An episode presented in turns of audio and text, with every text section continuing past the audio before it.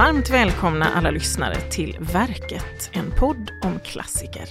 Idag så ska vi prata om Ludvig Nordströms bok Lort-Sverige från 1938. Och med mig i studion idag så har jag Peter Forsgren och han ska få presentera sig själv.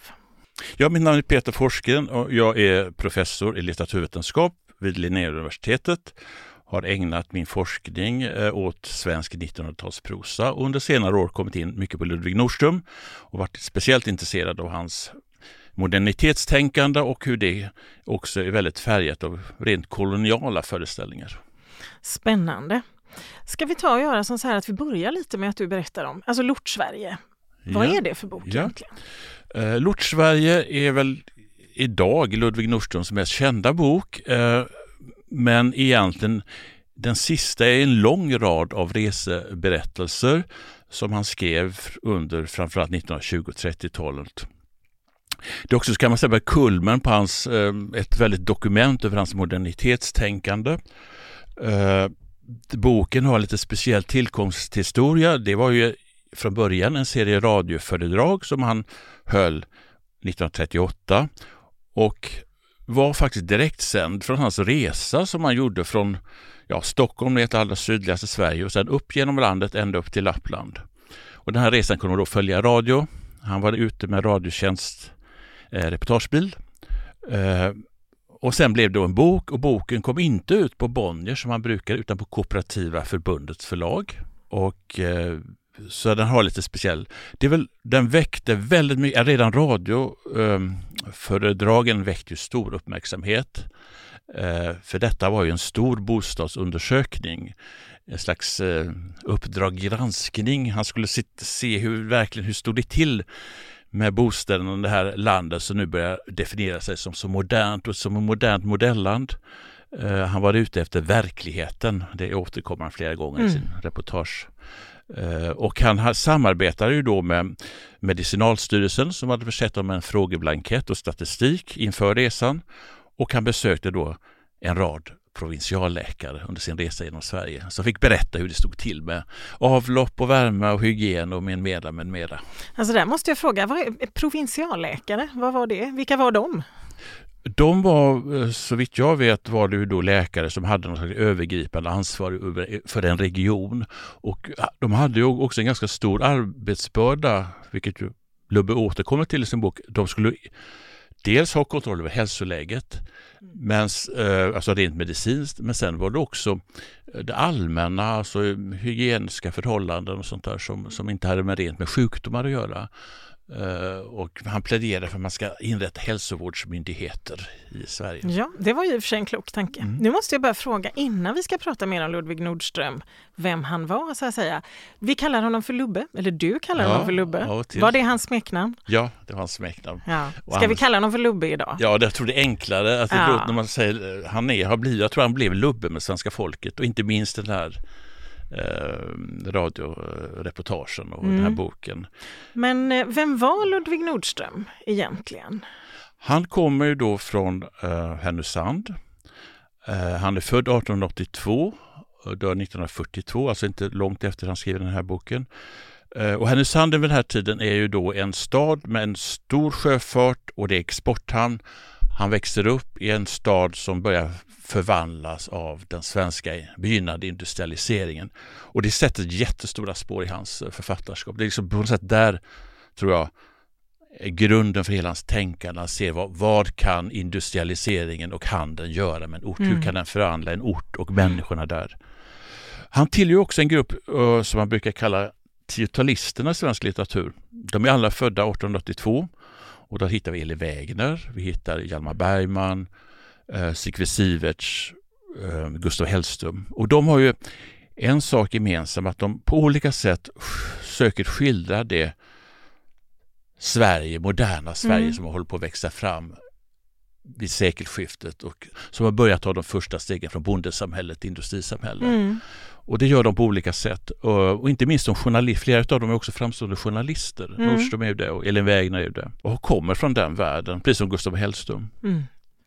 Men hur ser hans författarskap ut? Vad skriver han för sorts böcker? Ja, man kan säga att man man kan nästan dela in det i två faser. Han slår igenom då runt 1910 som de andra gör då. Han skriver mycket noveller och romaner under 10-talet, ofta med motiv från hans hemstad Härnösand som man mm. kallar Öbacka. Han skriver i en realistisk tradition, han jämförs med Strindberg, Balzac, eh, Rabelais, en väldigt frodig... Det var inga dåliga exempel nej, humoristisk realism som han, ja. han, då, då eh, skriver i och har ganska stora framgångar som författare. Um, men sen händer det någonting i slutet av 10-talet. Han, han börjar formulera mer systematiskt idéer om, om modernisering, industrialisering. Mm. Och han utvecklar ett slags eh, idé eller program som kallas totalism. Vad spännande, vad är det för något? Det är liksom hans, hur han ser, han ser liksom Det låter lite otäckt kan man säga, ja, totalism. han, jo men han ser, det är ju lite otäckt för just han ser liksom en världshistorisk utveckling där vi har gått mänskligheten från primitivt stadium till allt mer utvecklad. Mm. Och, och kulmen på mänsklighetens utveckling det är liksom det industrisamhället. Industrialisering, urbanisering, vi ska leva i städer mm. och vi ska ha globaliserade. Vi ska Oj. ingå i en stor världsordning. Allting kommer formas till en stor världsstad. När sa du att han formulerade den här Slutet av 10-talet. Slutet av 10-talet, det är tidigt. Sen, ja, det är slut. Ja. Och sen så har han ju då får detta konsekvenser, stora konsekvenser för hans skönlitterära författarskap. Han överger egentligen fiktionslitteraturen ah. och skriver en rad reportageböcker. Och där är Lortsverige den, den, det kulminerar med den kan man säga. Och den enda, är inte enda, men, men under 20-talet skriver han också det här stora romanverket Petter svensk historia. Och det vill han skriva en massa programartiklar innan.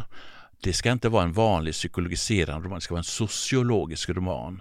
Och där han Oj. i fiktionens form lägger ut den här idén om, om uh, totalismen och det, det världsstaden urb som ska genomsyra varenda samhälle över hela jorden. Alltså, det, alltså, ju mer du berättar om detta så tycker jag att det låter lite, det låter lite scary. Men, men bortsett från Lortsverige, för jag tänker att vi läser ändå Elin Wägner idag lite mer än vad vi läser Lubbe. Jag tänkte på de här tiotalisterna som var hans generationskamrater.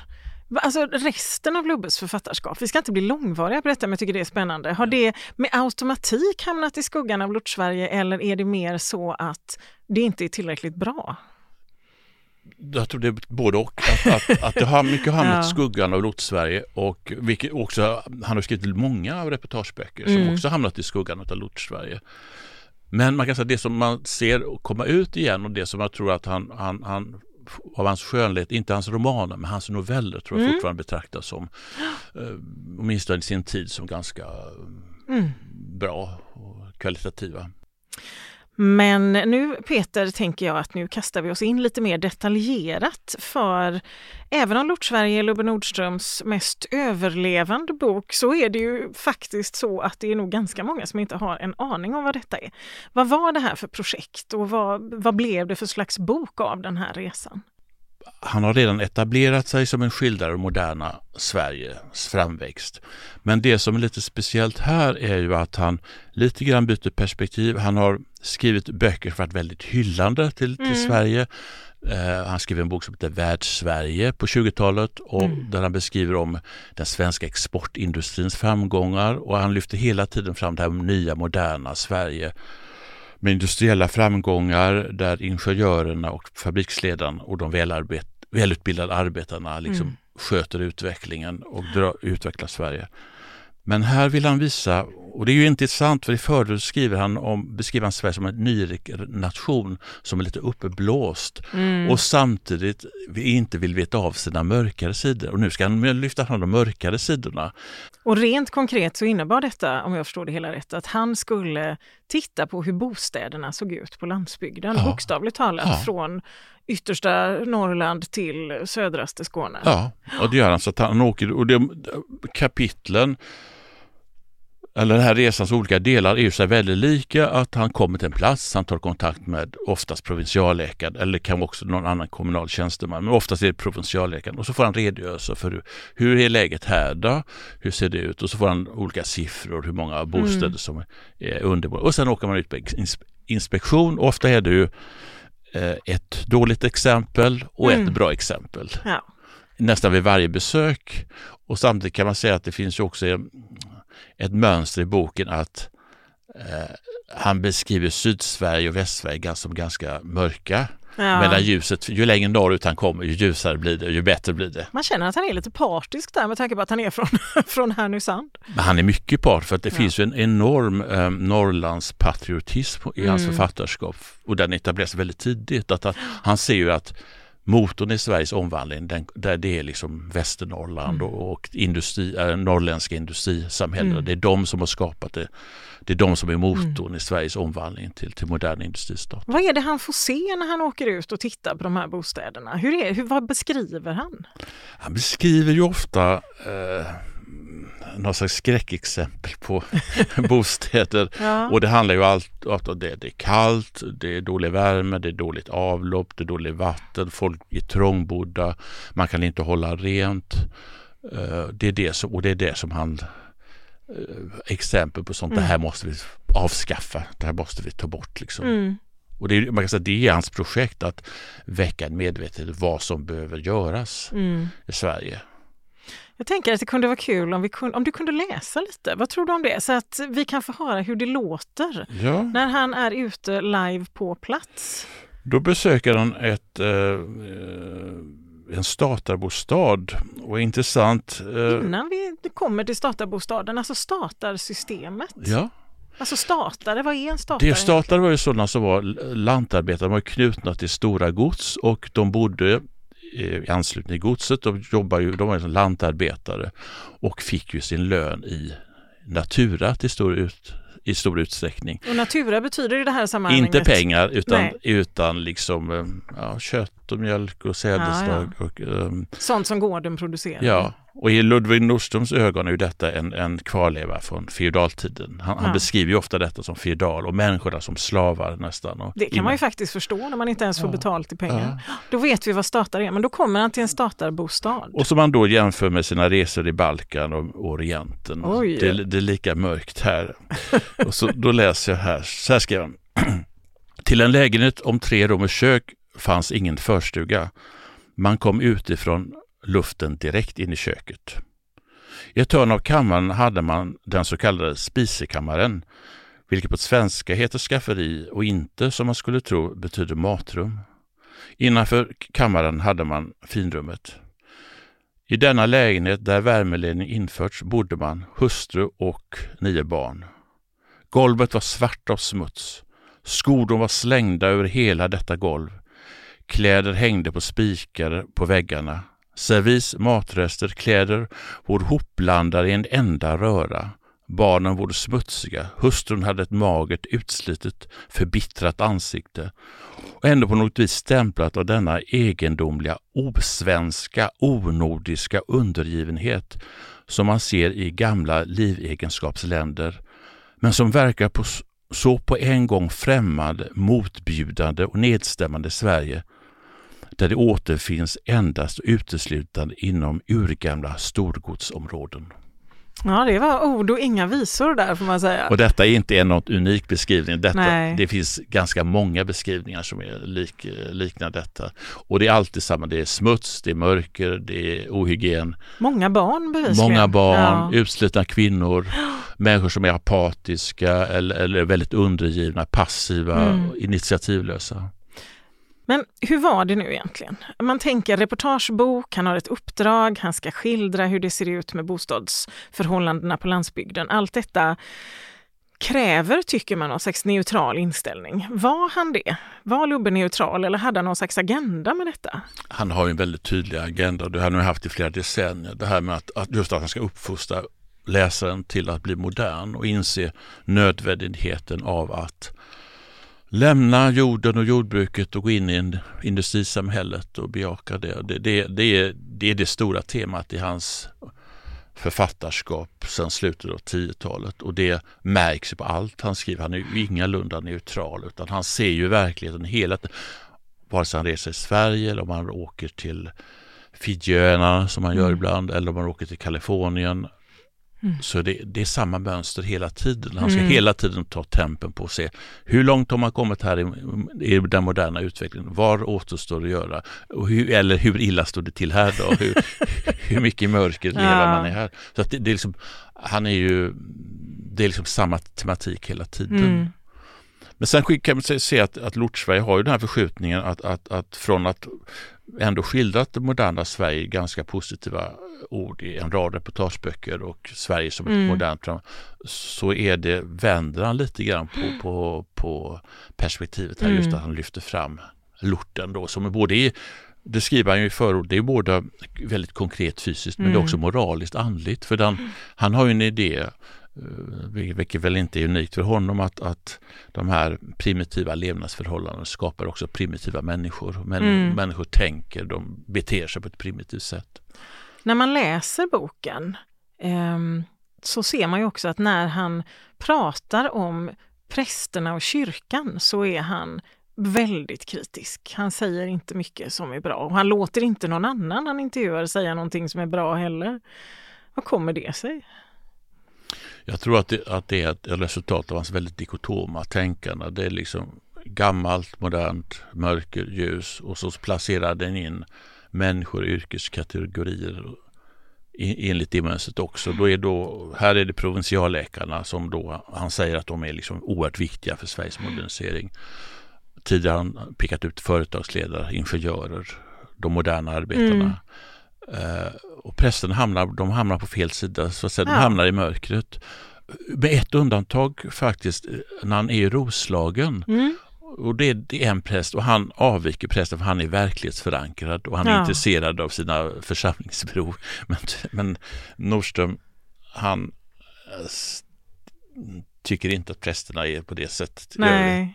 Och det märker man på väldigt många plan i boken att boken är ju byggd på kontrastteknik genomgående. Mm. Det är ju alltid kontraster. Och nyanserna är inte, de, det finns inte så stor plats för dem i hans, hans och så är det liksom nästan allt han skriver, i, alltså från som är påverkad de här totalistiska idéerna, mm. att, att det är liksom, det är ganska schematiskt egentligen. För det är ju lite samma sak som i överklassen, de får också ganska mycket pisk på något vis. Tillhör de också det gamla i hans sätt Det gamla feodala byråkratiska Sverige som, alltså, som inte var det här dynamiska industrilandet. Där fanns prästerna, där finns den gammaldags överklassen och den gamla, gamla byr, byråkrat-Sverige, mm. kung, den kungliga ämbetsmannastaten. Den tycker jag inte heller om utan det är det, det, är det moderna industrisverige som är liksom det är det som han bejakar och det, det är dit man ska. Men vad blev det egentligen för respons på den här boken, som ju då var en radioreportageresa som du har berättat från början? Du har berört det lite grann, men hur reagerade samhället i stort? Inte bara att ett landskap blev upprört för att man skildrade som väldigt smutsigt, men hur blev den övergripande responsen på det här? Hur, det, hur folk hade det på landsbygden? Jag tror man kan jämföra med liknande reportage som vi har, har ja. om man tänker på Uppdrag granskning och liknande program som, som nu idag är ganska vanliga. Somliga var ju väldigt tacksamma, det tar han själv, de, därför att de de led verkligen de här bostadsförhållandena. Andra skämdes ju naturligtvis och man kan ju se att när han reser omkring och ibland går in i, på vissa, i vissa bostäder, det är ju ganska brutalt för man, mm. man, man, är ju, man kommer ju som slags överhet och liksom ungefär som man kom till en by i Afrika, en kolonisatör mm. och går, tittar hur lever de här, ungefär som främmande folk. Ja.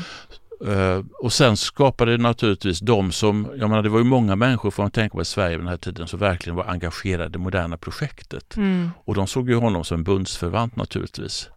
Och så fanns det de som då uh, politiskt inte alls tyckte om att Sverige beskrevs på det här sättet utan tyckte att det här var liksom uh, landsförräderi och han, ble, han mm. blev kallad uh, judejävel. Och så han, var ju, han var ju lite mörk och han, hade, han, var, han, var, han var ju faktiskt halvbritt. Hans mamma var ju från England. Uh, så att, då, var han ut, då var han utlänning och fredare, somliga då höger, som var långt åt höger. Så att en hel karta av olika reaktioner på den här boken. Var han långt åt höger? Hur ska, alltså, med våra ögon sett så Kanske han var det, jag vet inte. Alltså politiskt var han inte det för att han, var, han beskriver sig själv som socialdemokrat. Alltså han var han var ju beundrare av storfinansen och industrin mm. och så, men han var också stor beundrare av den socialdemokratiska arbetarrörelsen. Han, han var ju väldigt för klassamarbete och, mm. och så. Eh, sen, så att han var ju absolut inte konservativ utan i någon mening progressiv i sin tid. Men sen klart en hel del av de idéer han hade, det här med hans totalism och hans mm sociala ingenjörskonst, hans eh, koloniala idéer hans, och också hans eh, rastankar uppfattar vi idag som eh, ja. konservativa eller reaktionära kanske till och med.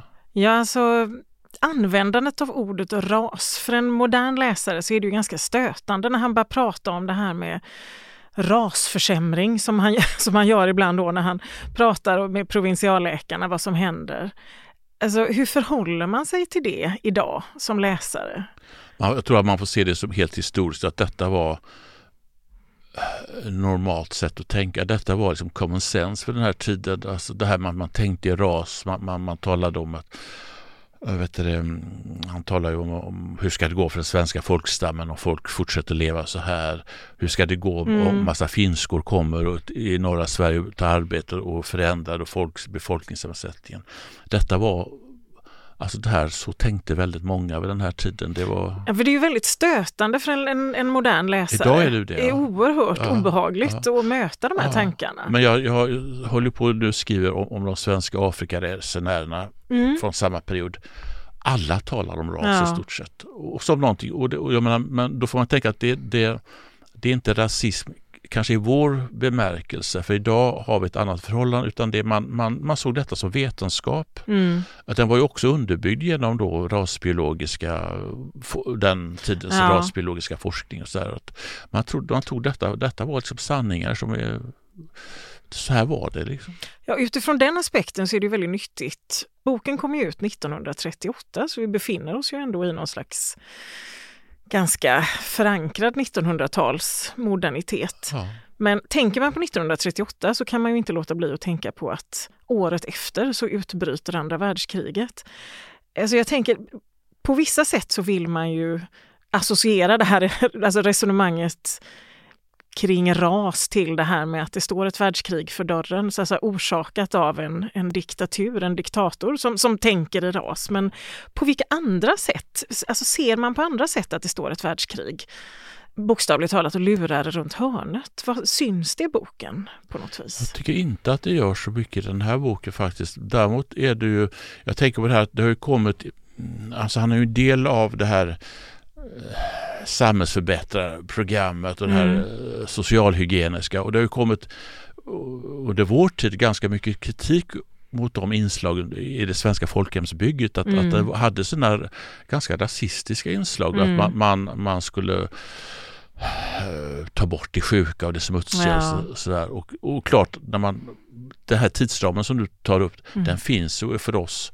Är det väldigt obehagligt att tänka sig att, att steget från en, en då man som Lubbe Nordström som ändå var ändå på sätt och vis politiskt radikal mm. socialdemokrat i vissa frågor är väldigt nära till de här eh, nazistiska och, ja, och rasistiska, alltså den färgen. Så att, eh. jo, för man, man tvivlar ju inte på hans engagemang. Det sprutar ur öronen på honom när man läser ja. boken.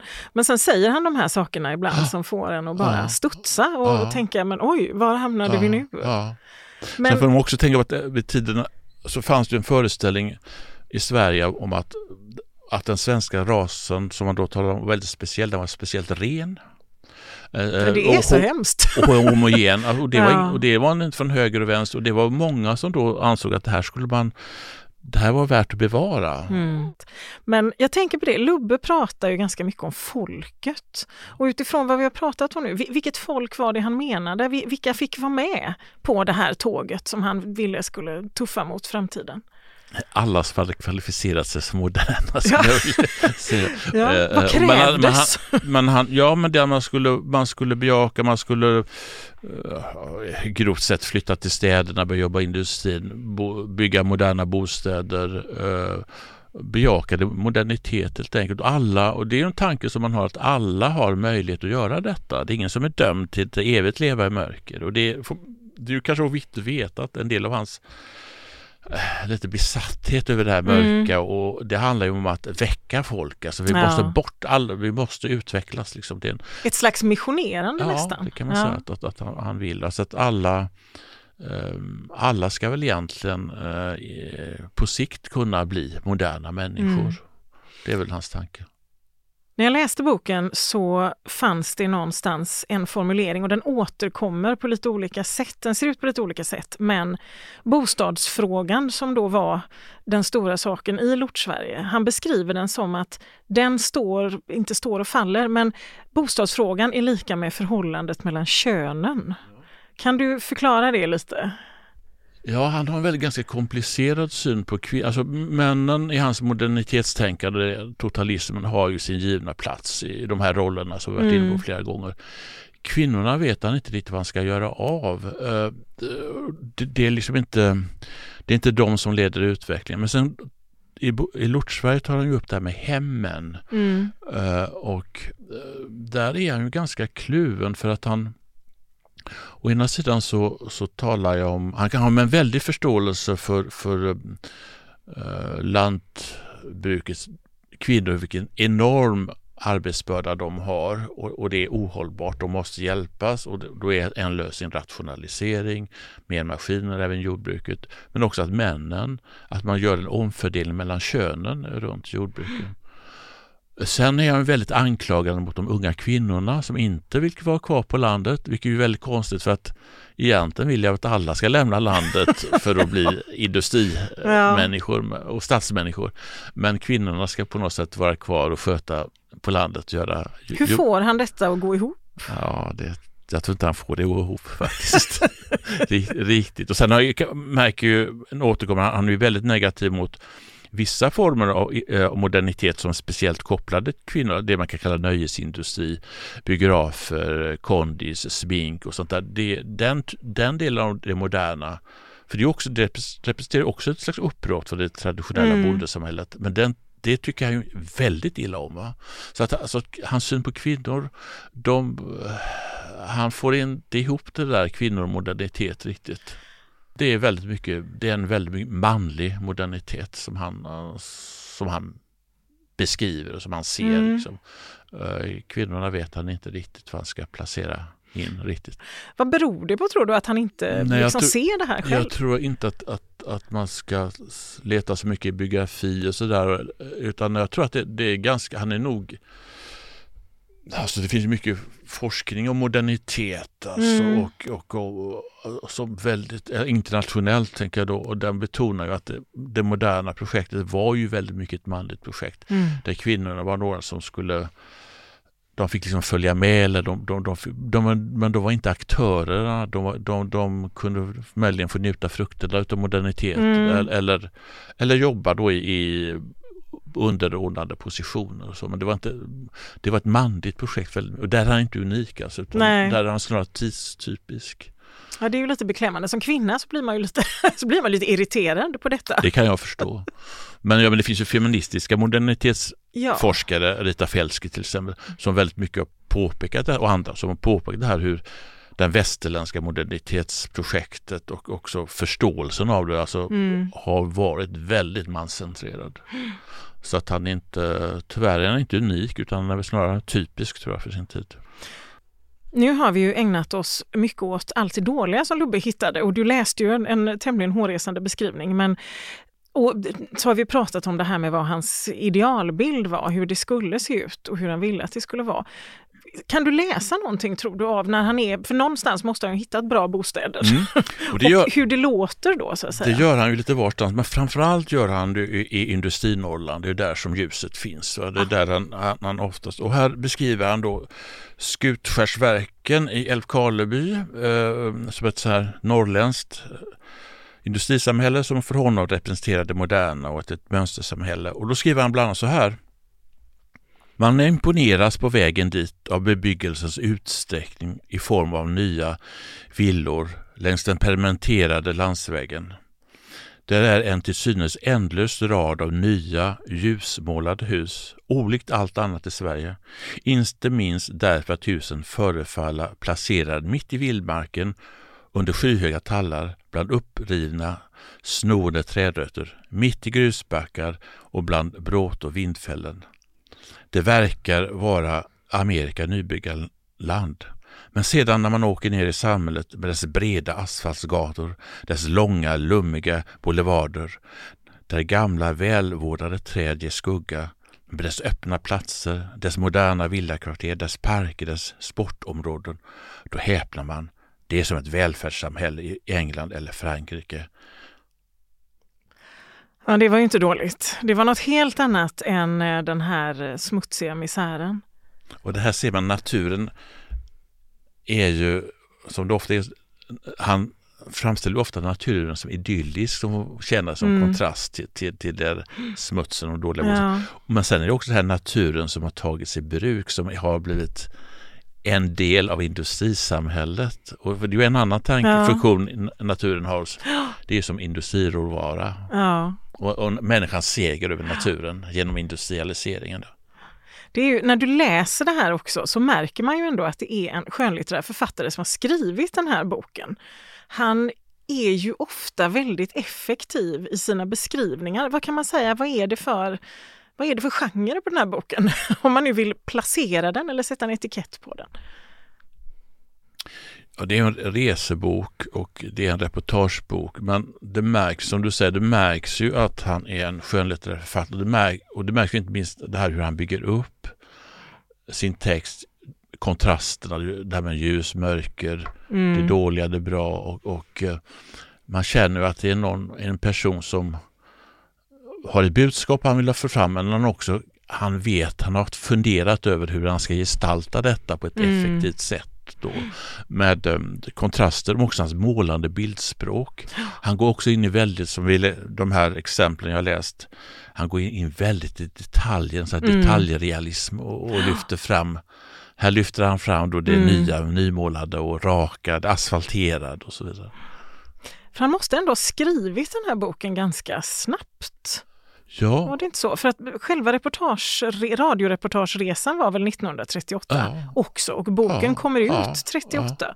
Och det är ganska karaktäristiskt för um, Lubbe Nordström när han, han, res, han gör resor och han skriver sina böcker ganska nära anslutning till själva mm. resan. Så han var ju väldigt produktiv och sen skrev han ju inte bara den här långa raden av reseböcker utan skrev en hel del artiklar, reportage mm. också. Så att han var ju en högst produktiv författare. Eh, alltså han levde i offentligheten mm. väldigt mycket mm. som, som en debattör och där påminner han ju, eh, vi nämnde ju tietalisterna i början, där är ju, har han ju en, är det han och Elin Wägner är väldigt lika för mm. Elin Wägner skrev ju bok för bok, bok men var ju, skrev samtidigt oerhört mycket artiklar och reportage ja. inom hela sitt författarskap och var ju också mitt i samhällsdebatten. Och där står de på väldigt, de står ju på olika sidor när det gäller synen på industrisamhället och industrialiseringen kommer att göra. Men de, de är ju väldigt... På vilket sätt gör de det? Om vi kan ta något exempel sådär kanske? Ja, alltså det, 1938 kommer Lortsverige ut, 1941 kommer ju väckarklocka ut. Mm. Elin Wägners, Elin Wägners väckarklocka. Det har ju bara tre år gått och kriget har börjat som vi nämnde. Ja. Börjat nu. Och det är en bok som en civil, feministisk civilisationskritik som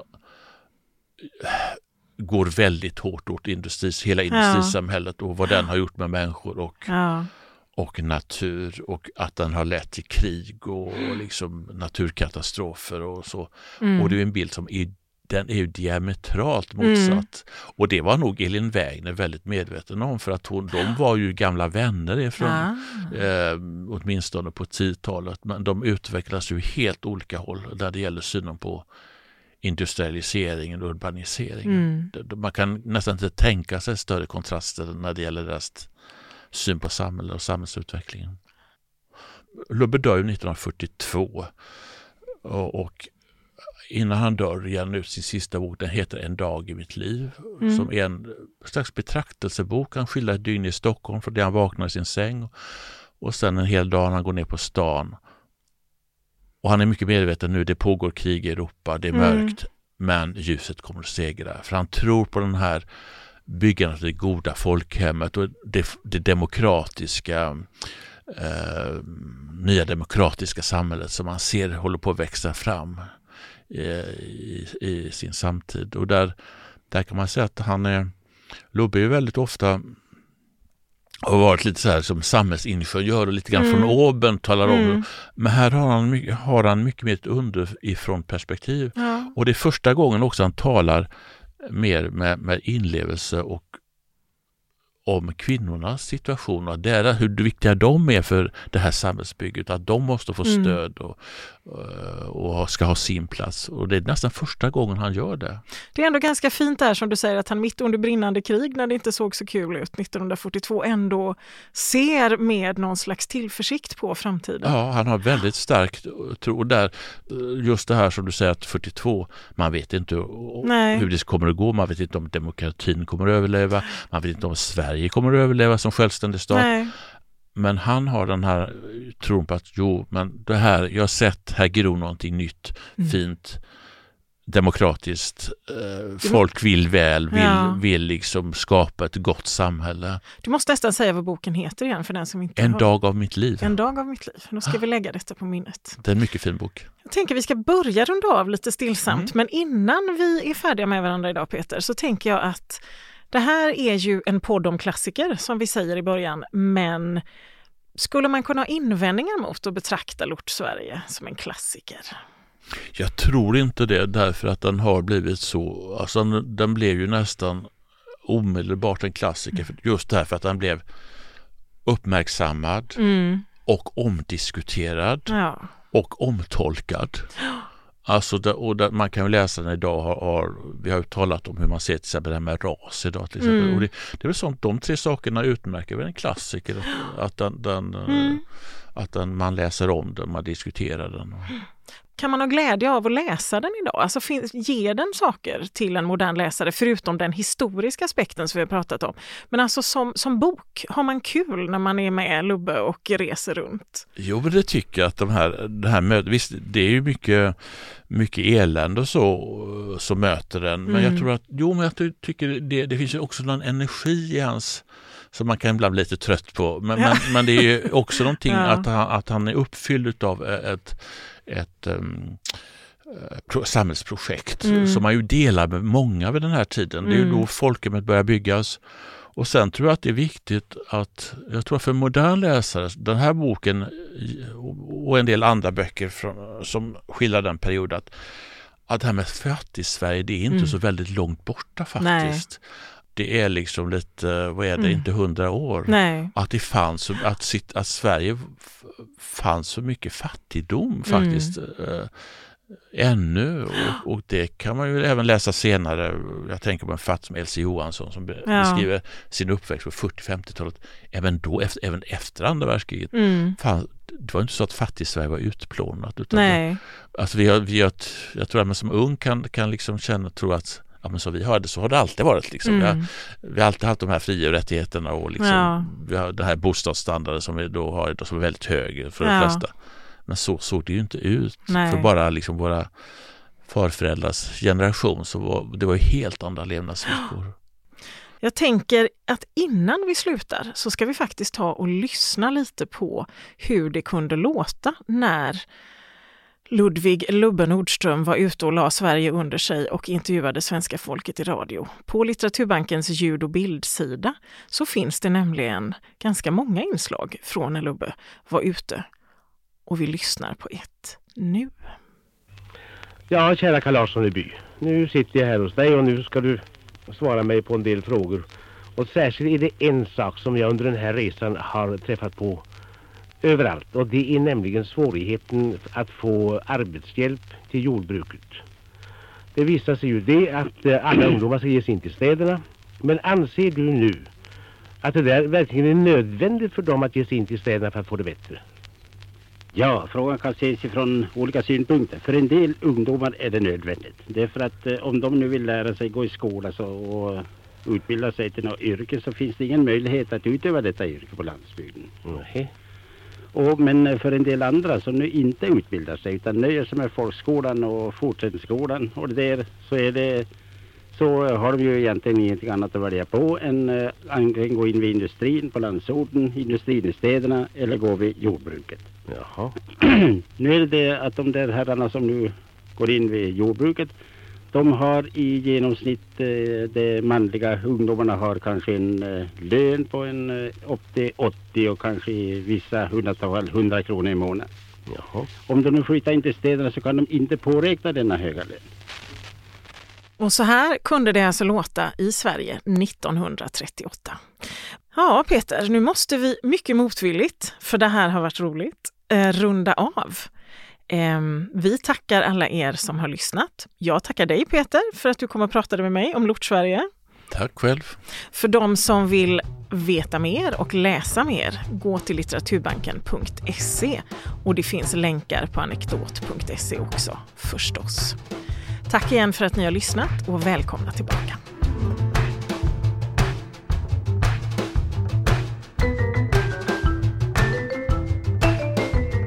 Du har lyssnat på Verket, en podd om klassiker, producerad av bildningsmagasinet Anekdot i samarbete med Nationalmuseum och Litteraturbanken. Alla avsnitt samt fler poddar, filmer och essäer hittar du på anekdot.se.